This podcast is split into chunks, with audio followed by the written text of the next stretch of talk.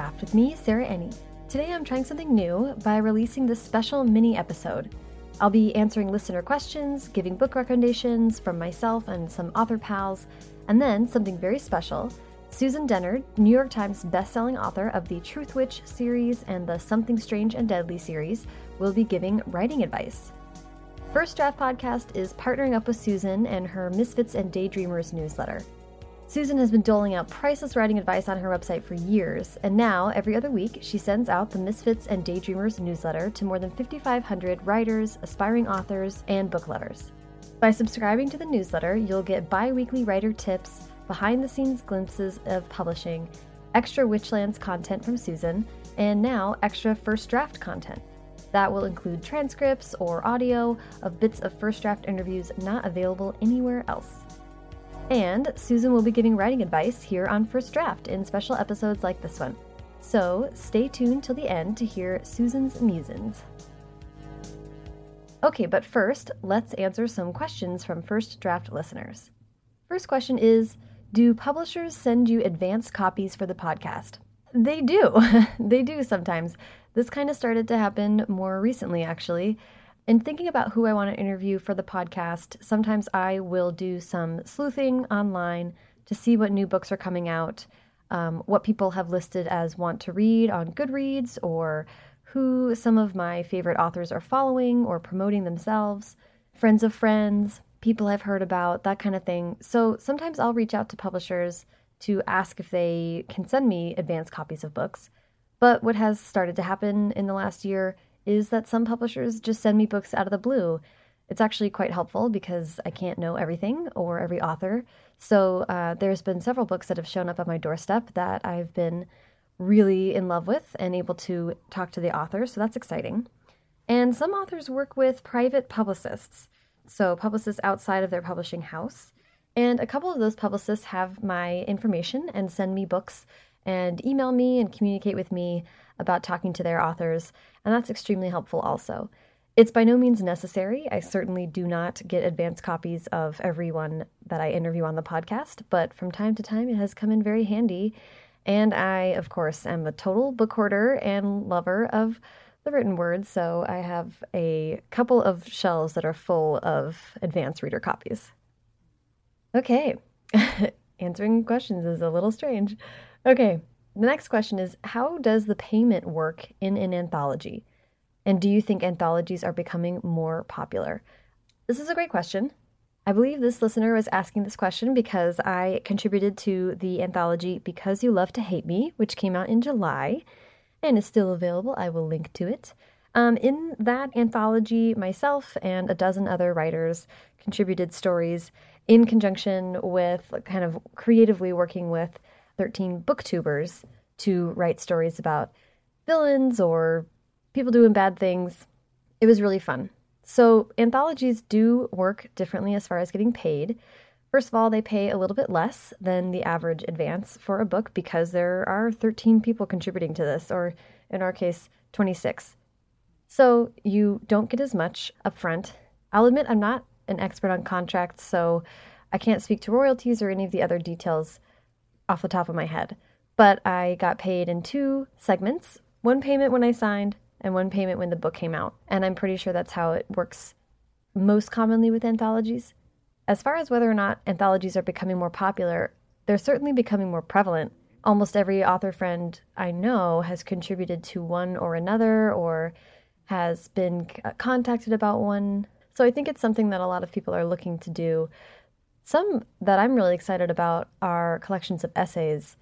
I think that's really interesting. But I don't know that anthologies sell particularly well.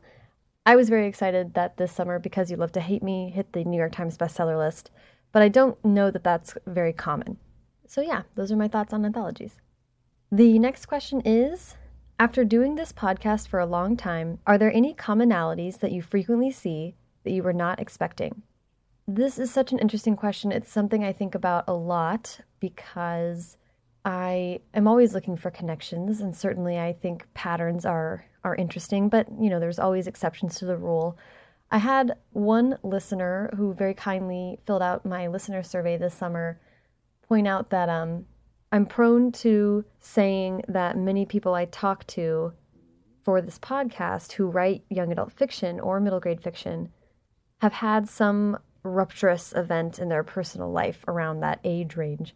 For example, I mean, I bring it up all the time, but I moved from Texas to California when I was 12, and I feel like that was a pretty formative thing for me at that young age. And in part of the extremeness of that situation allows me to access those feelings pretty easily. I've noticed that a lot of people I talk to have something similar a big move, a death, um, you know, something very intense in their life. But this listener very astutely pointed out that this could very well be confirmation bias. So I'm a little hesitant to say that that's true throughout young adult or middle grade fiction writers, but certainly it's something that I notice because it's been true in my life.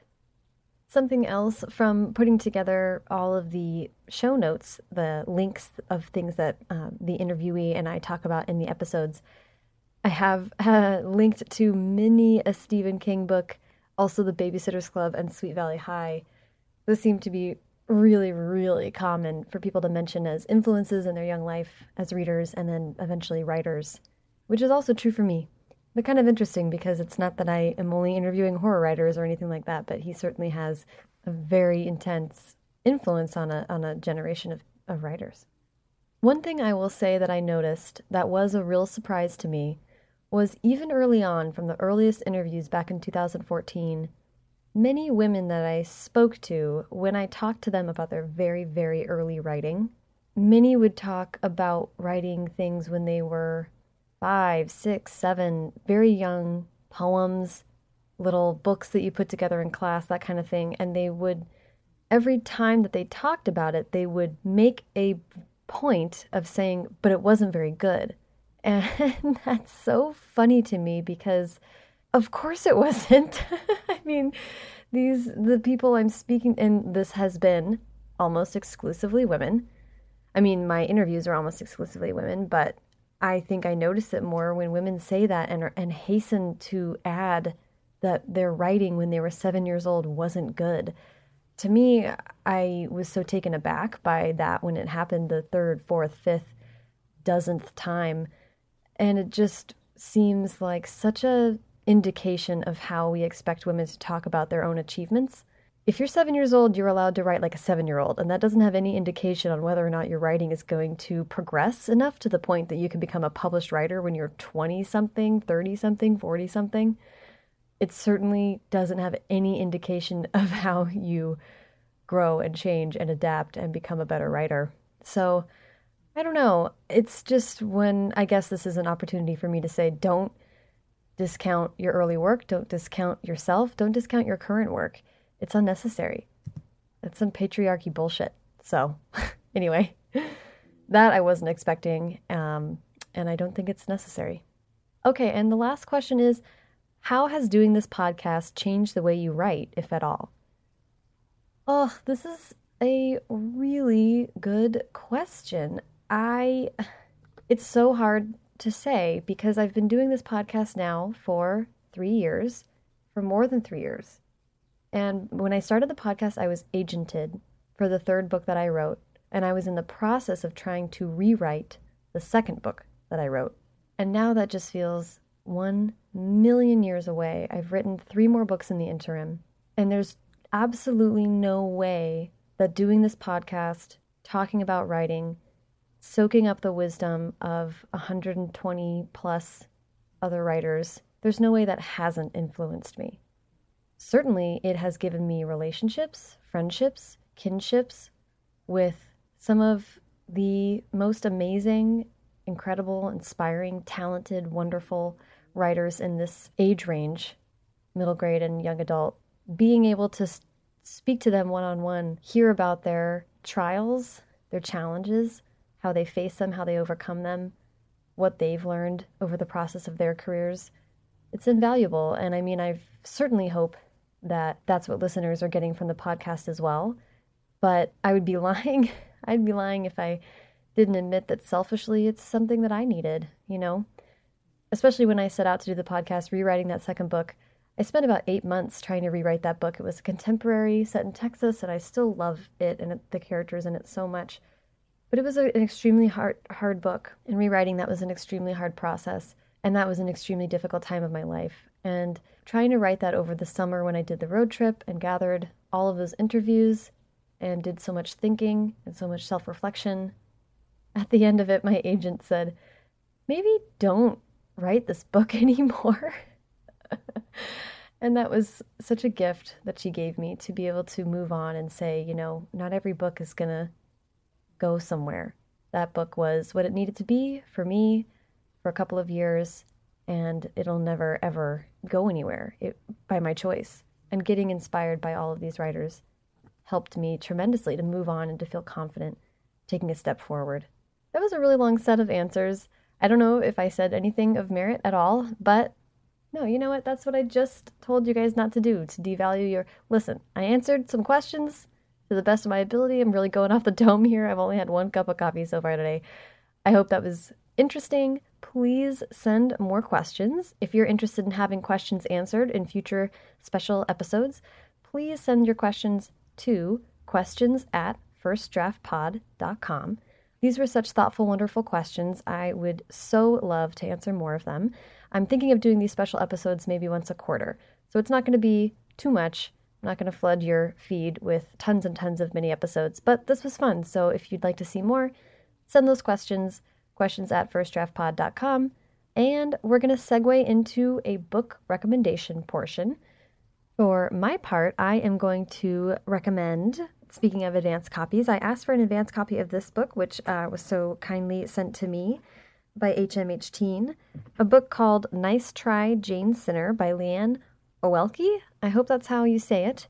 Uh, this book is going to be published in January 2018, and it's kind of a it's kind of a new adult. It's a teen girl who's finishing high school in college, so there's some element of crossover there, and she enters a enters a um, reality TV show. So it's about living in front of cameras and your true self and it's about religion and it's about depression. It was a really beautiful book, and I went through a real binge of reading fantasy books, and this was kind of a delightful return to a contemporary.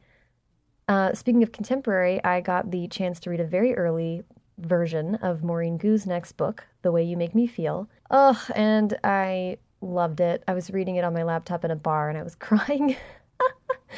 um, it was just so lovely and heartfelt. I think Maurene's books are laugh out loud funny, and they also have a tremendous amount of heart.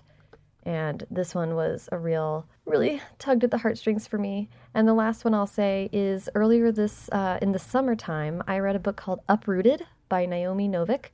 It's also fantasy, it's a standalone fantasy, so it's not a gigantic doorstop.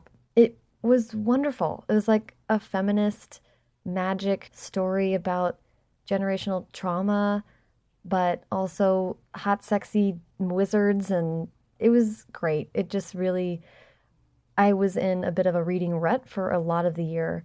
And I honestly feel like Uprooted shook me out of it. And since I read that book, I've read like a dozen other books. It just really, it was a real relief to read that book and remember how it is to be transported entirely by fiction and to not want to get out of bed because you just want to live in that world it was really wonderful. So I recommend that as well. And I'm going to pass it over to a couple of friends who have recommendations too.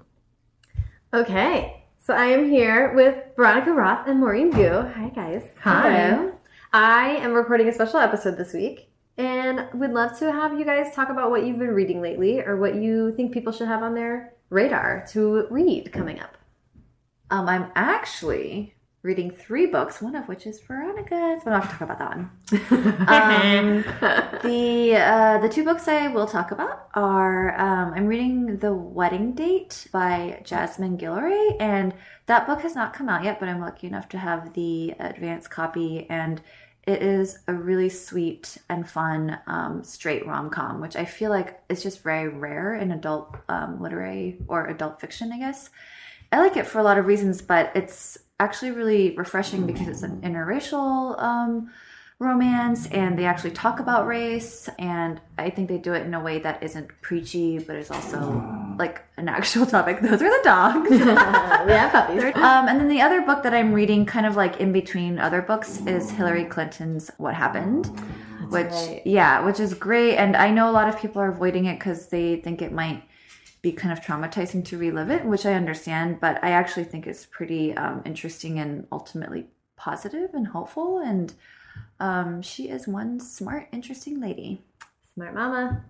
I'm also gonna start reading The Wedding Date, and it comes out early next year. So Oh yeah, it comes out next February. Yeah, I'm and gonna- Roxane Gay read it and reviewed it on Goodreads and gave it five stars and said it was one of her favorite books of the year. Ooh. Yeah. Mm-hmm. Okay. Roxane Gay, friend of Channing Tatum. Yeah. Channing Tatum. Aw. I have been reading.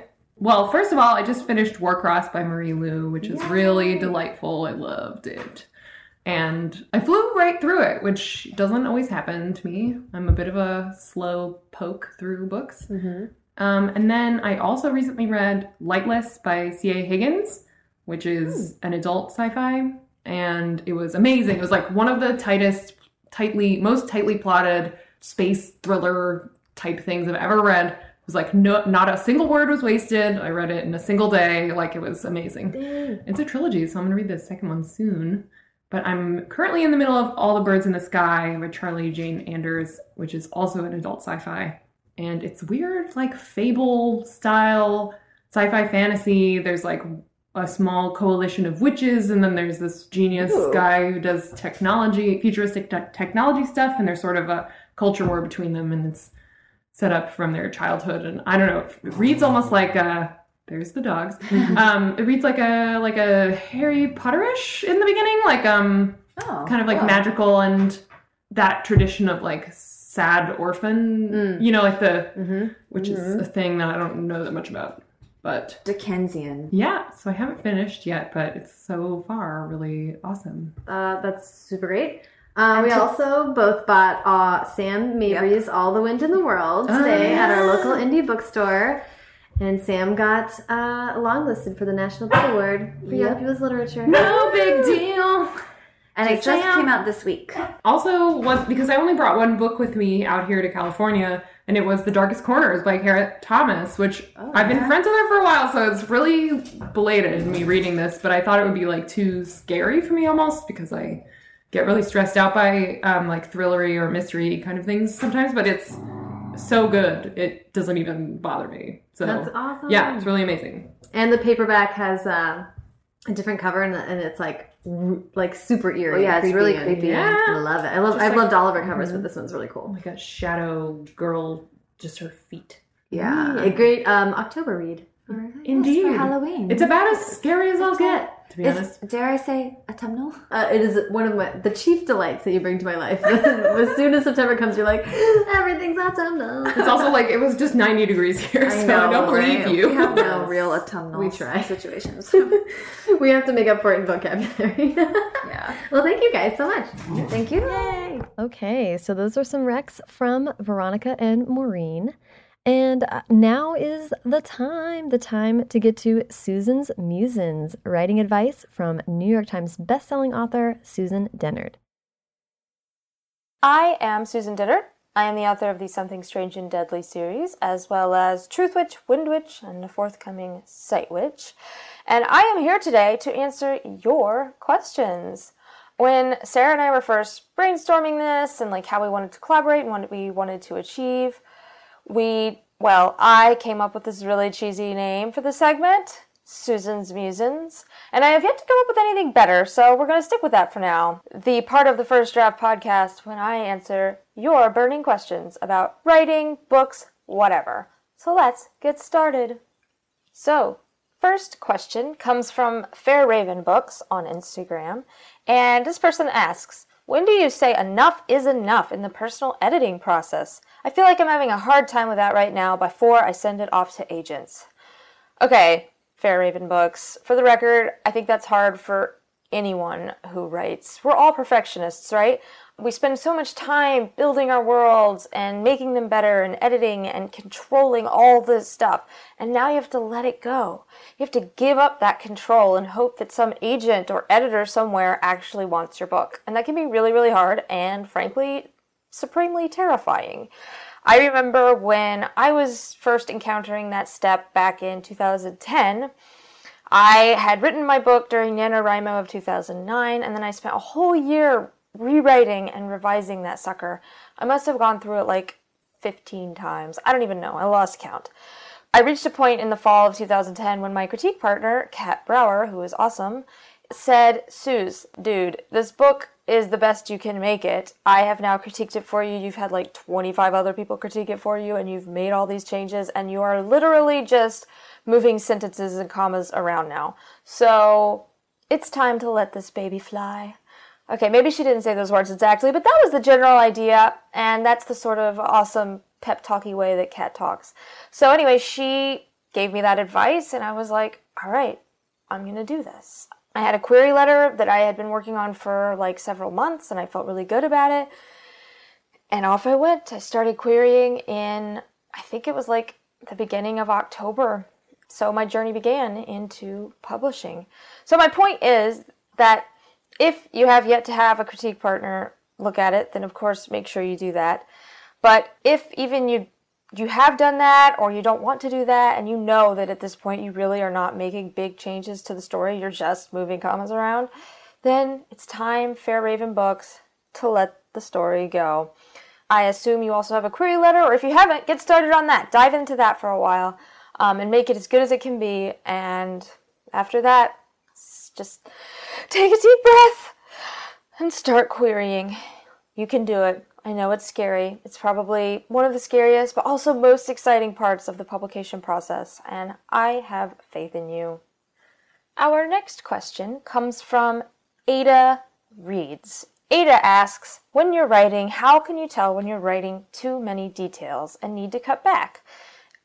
How do you decide what details to cut out and what to keep? Ada, this is an excellent question, and this is one of those things that I urge you not to worry about when you are writing a first draft.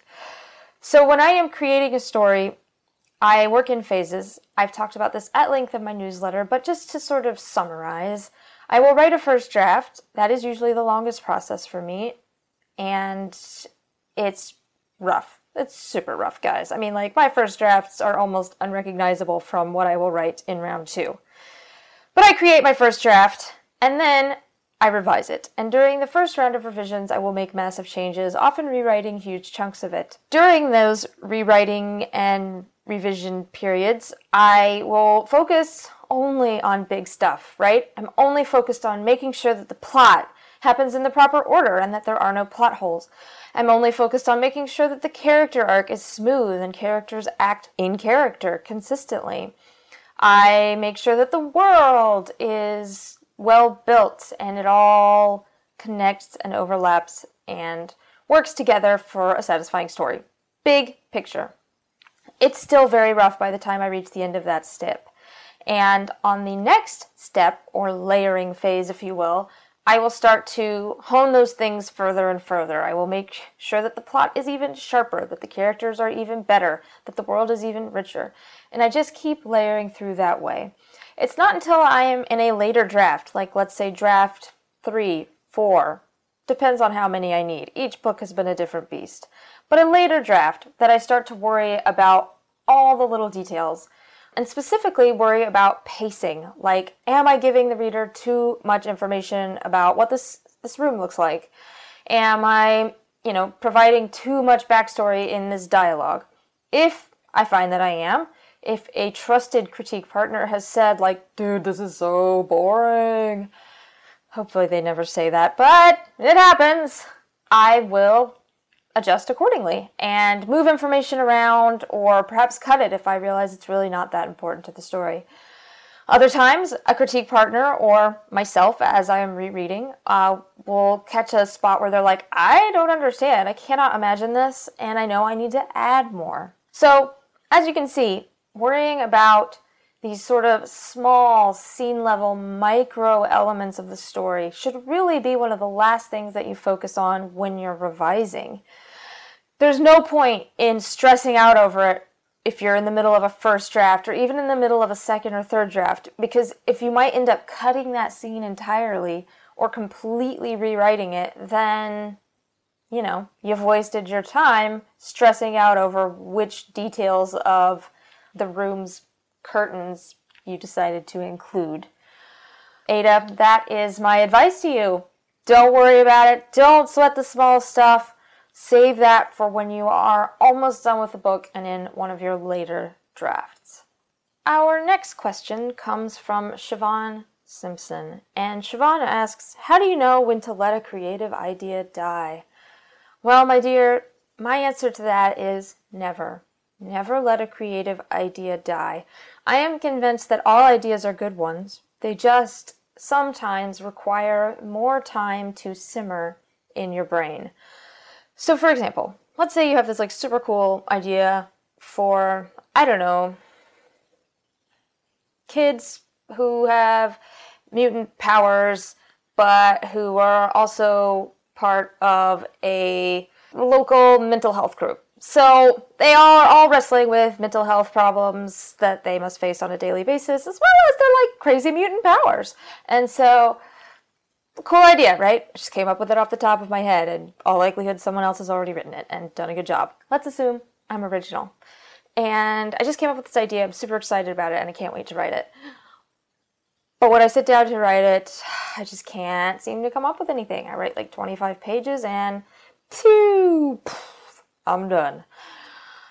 I would never throw that away, and I would never give up give up on it. I would just set it aside and let it simmer, probably for a few years. Some ideas take many, many years to simmer.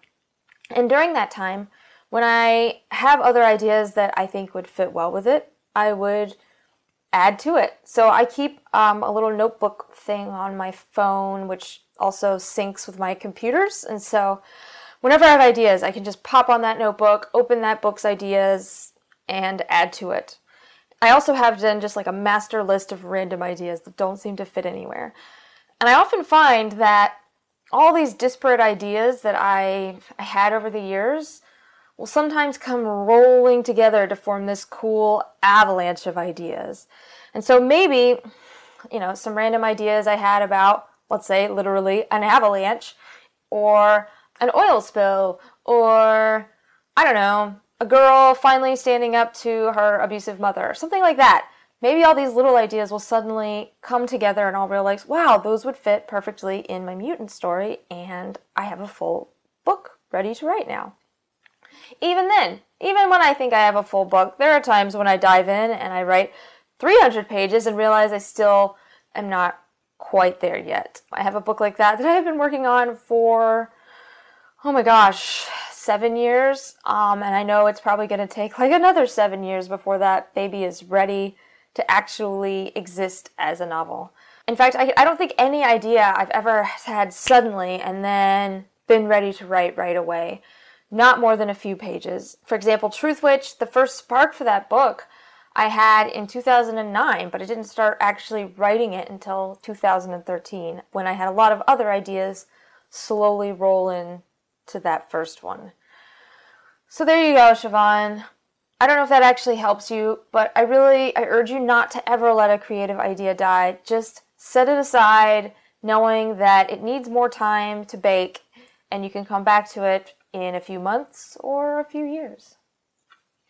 This next question uh, comes from Hillary Raymer, and she asks, Burning writing question that seems to plague me in regards to world building. How do you keep the details straight? Note cards, pictures, Word docs? How do you make sure the fine tuned details of your world are the same on page 1 as they are on page 101 without having to go back to page 1? Oh dear. Well, Hillary, I'm afraid I don't do anything, and so I am constantly flipping back to page 1. It's not efficient, and I have tried time and time again to be organized and keep like a central document where I put all information, but I always seem to fail that and not add to it or forget to add to it or because I have multiple Scrivener files going for one project, they don't cross over or overlap, so it's messy, and I often find that I'm opening up the Kindle versions of my books to confirm details.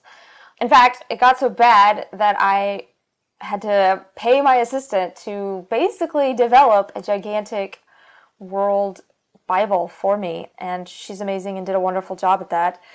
So, yeah, I don't have a good solution for you, I'm afraid. I would suggest you don't do what I do and you go ahead and start right now to form a master document and be organized and keep it updated. But if you're like me and you can't seem to make that work, then don't stress out about just constantly doing a control F and searching your own book for the answers. The last question for this week's segment of Susan's Musings, also the first segment ever, woohoo, comes from Angelica Molly. And Angelica asks, How have you balanced plot with character development so well in your Truthwitch series? Side note, thank you, Angelica. So much is happening in those novels, and yet the characters are constantly growing and evolving, which doesn't always happen in every book that I read. Again, thank you, Angelica. You know how to butter my ego. So, this question actually overlaps really well with a question that my friend Alex Bracken asked me to answer on this podcast. And what Alex asked was essentially how do you balance character development and world? And the reason these questions are so closely tied is because it's all closely tied. Character development is intrinsically linked to plot, which is intrinsically linked to world, which is intrinsically linked to character. You can't separate them. In fact, I talked about this in a newsletter a few weeks ago about how you almost have like this really complicated feedback loop going on where everything is connected and what's happening in one thing is constantly affecting something else. So whatever the character is going through is affecting the plot, which is of course, literally affecting the world around them, and the world is affecting the character. You can make a billion little paths between those three key parts of the story. And a question about how you balance them, it's tricky, right? It's hard to sort of articulate, you know, a step by step process of this is how you do it because they are so deeply interconnected and you really cannot tease them apart. Um, and so I think that's sort of the biggest thing I can urge you to do is to think about them not as separate entities, but as one massive unit. I think we tend to, especially when we're first starting out, create, let's say, characters. You know, we do like a character interview that we found online and we learn all this stuff about our character, but all that stuff we learned about our character has nothing to do with all the stuff that we had planned for our actual plot, you know? Like the fact that our character likes to have tea instead of coffee with breakfast. Cool little quirk, but it has literally nothing to do with the fact that our mutant mental health group is struggling to find a spot to meet every week, right? Not related. And instead, what we want to do is to make sure those things do somehow connect. That, like, the random quirks that we choose for our character actually do have some impact on how the plot goes. Um, and same with the world. We want to make sure that the world that is happening around our characters resonates and connects to the story that's unfolding and the character. Um, and so this is something that I only really started to think about in the last year or two. And I really started thinking about it after I read a book called The Anatomy of Story by John Truby. Highly recommend. Although it's a dense read, I warn you. But I found that by doing all of the exercises in the book for my book Windwitch, I really transformed how the story came together and how I viewed the story, and I think how readers connected to it. It's a matter of having everything represented. So, you know, the character's loneliness is literally represented in the world around them, and also represented in the choices that they make, etc., etc. The world around them therefore enhances the loneliness or perhaps the sense of connection that they feel. Things like that. Um, and if you want to dive even deeper into that, a book I recommend is called The Moral Premise by Stanley Williams. It is a deep dive, not gonna lie, and for that one I actually didn't do the exercises. Whoops! But it is highlighted to wazoo with a million post-its coming out the side because I constantly refer back to it. And I love the idea that he posits in the book, which is that everything in the story should echo sort of the the theme that we're trying to to teach, to share. So for example, the theme in Windwitch that I think is echoed throughout the story is that sometimes our enemies are also our only allies, and the people that we view as our enemies maybe aren't our enemies at all once we get to know them. And so each character follows that arc the world that they're in forces them to face that while also pitting them with their so called enemies. And the, the choices that they make allow them to get to know their so called enemies. So everything is there to sort of all echo this one overarching moral premise. That is where I urge you to begin. If you're really struggling to balance character, plot, world building, and make it all intersect, then I, I ask you or urge you to take a step back, get super meta with it, and look at it all from above. What is your overall arching theme, goal? What do you want to show with this story? And how can you then make sure that the world, characters, and plot all connect and come out of that? I realize that this was a vague answer. It's a massive question on which I feel people have written entire books to teach writers or taught entire workshops. So hopefully, though, Angelica and my dear Brackenfern, that helps you. And again, check out those books Anatomy of Story by John Truby and The Moral Premise by Stanley Williams.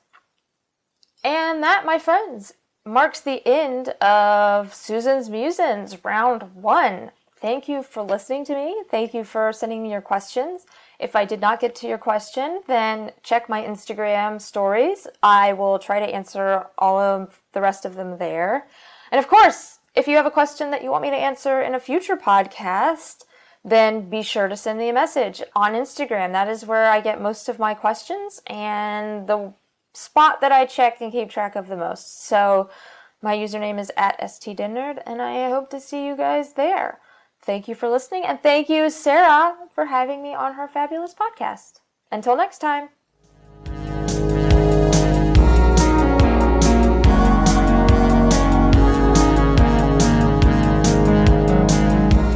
Thank you so much to Susan. Follow her on Twitter at stdennard. And again, look at the First Draft Pod Twitter feed and Facebook feed and the show notes for this episode for a link to sign up for Misfits and Daydreamers and getting extra advice from Susan and also some uh, some goodies from First Draft Pod. Follow me on Twitter at Sarah Enni and the show at First Draft Pod. You can also follow the show on Instagram and Facebook, but for links to everything that I talked about and Veronica and Maurene and Susan talked about in this episode, as well as a searchable archive of previous interviews, and to sign up for the First Draft newsletter, be sure to check out firstdraftpod.com. And again, if you have any burning questions you'd like me and or some author friends to address in future episodes, please send them over in an email to questions at firstdraftpod.com. If you like what you heard, please leave a rating or review on iTunes. I come up with something quippy every episode to add to this, but in this one, I'll just say reviews and ratings on iTunes are extremely important. The more reviews there are, and the more stars given to First Draft, the more likely it is to show up as a recommended podcast for other people who li- listen to similar things and for it to be possibly featured and stuff like that. It just is an algorithm thing. So, anyway, if you've enjoyed First Draft, take a minute, go over to iTunes, write a little review. It would mean the world. Thanks to Hash Brown for the theme song, and to Colin Keith and Maurene Goo for the logos. Thanks to super intern Carter Elwood and transcriptionist at large Julie Anderson. And as ever, thanks to you, oh so patient listeners, for listening. oh, they can't all be winners, guys. All right, love you. Bye.